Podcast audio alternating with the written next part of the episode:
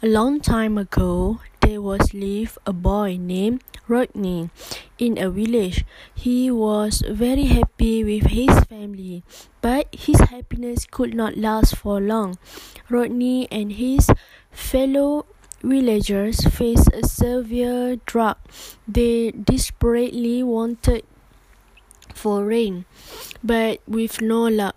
All the crops, land, and even trees dried up. The cattle started dying as there was no rain. The stream was drying up slowly. One night, during a meet with the villagers, Rodney said, Friends, we all have heard tales from our grandparents about underground river flowing through our village. Why don't we dig and see? The village agreed and started digging.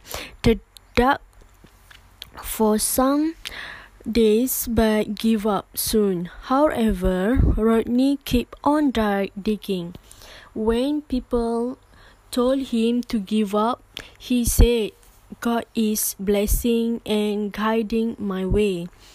One day, when he had dug deep enough, Rodney saw water. His attitude of not giving up started the whole village how never give up so easily. Rodney uh, all the villagers now they were never short of water. And whenever any problem comes all the villagers come up together find on solution written with a pen, sealed with a kiss. If you are my friend, then answer me this Are we friends or we are not?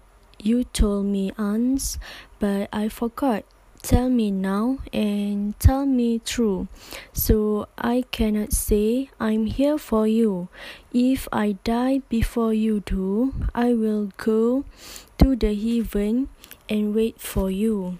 I will give the angel back their wings and ask for everything. There is not a thing I would not do to have a friend just like you. Written with a pen, sealed with a kiss. If you are my friend, then answer me this Are we friends or are we not? You told me once, but I forgot. Tell me now and tell me true, so I cannot say I'm here for you. If I die before you do, I will go to heaven and wait for you. I will give the angel back their wings and risk the loss of everything. There is not a thing I would not do to have a friend just like you.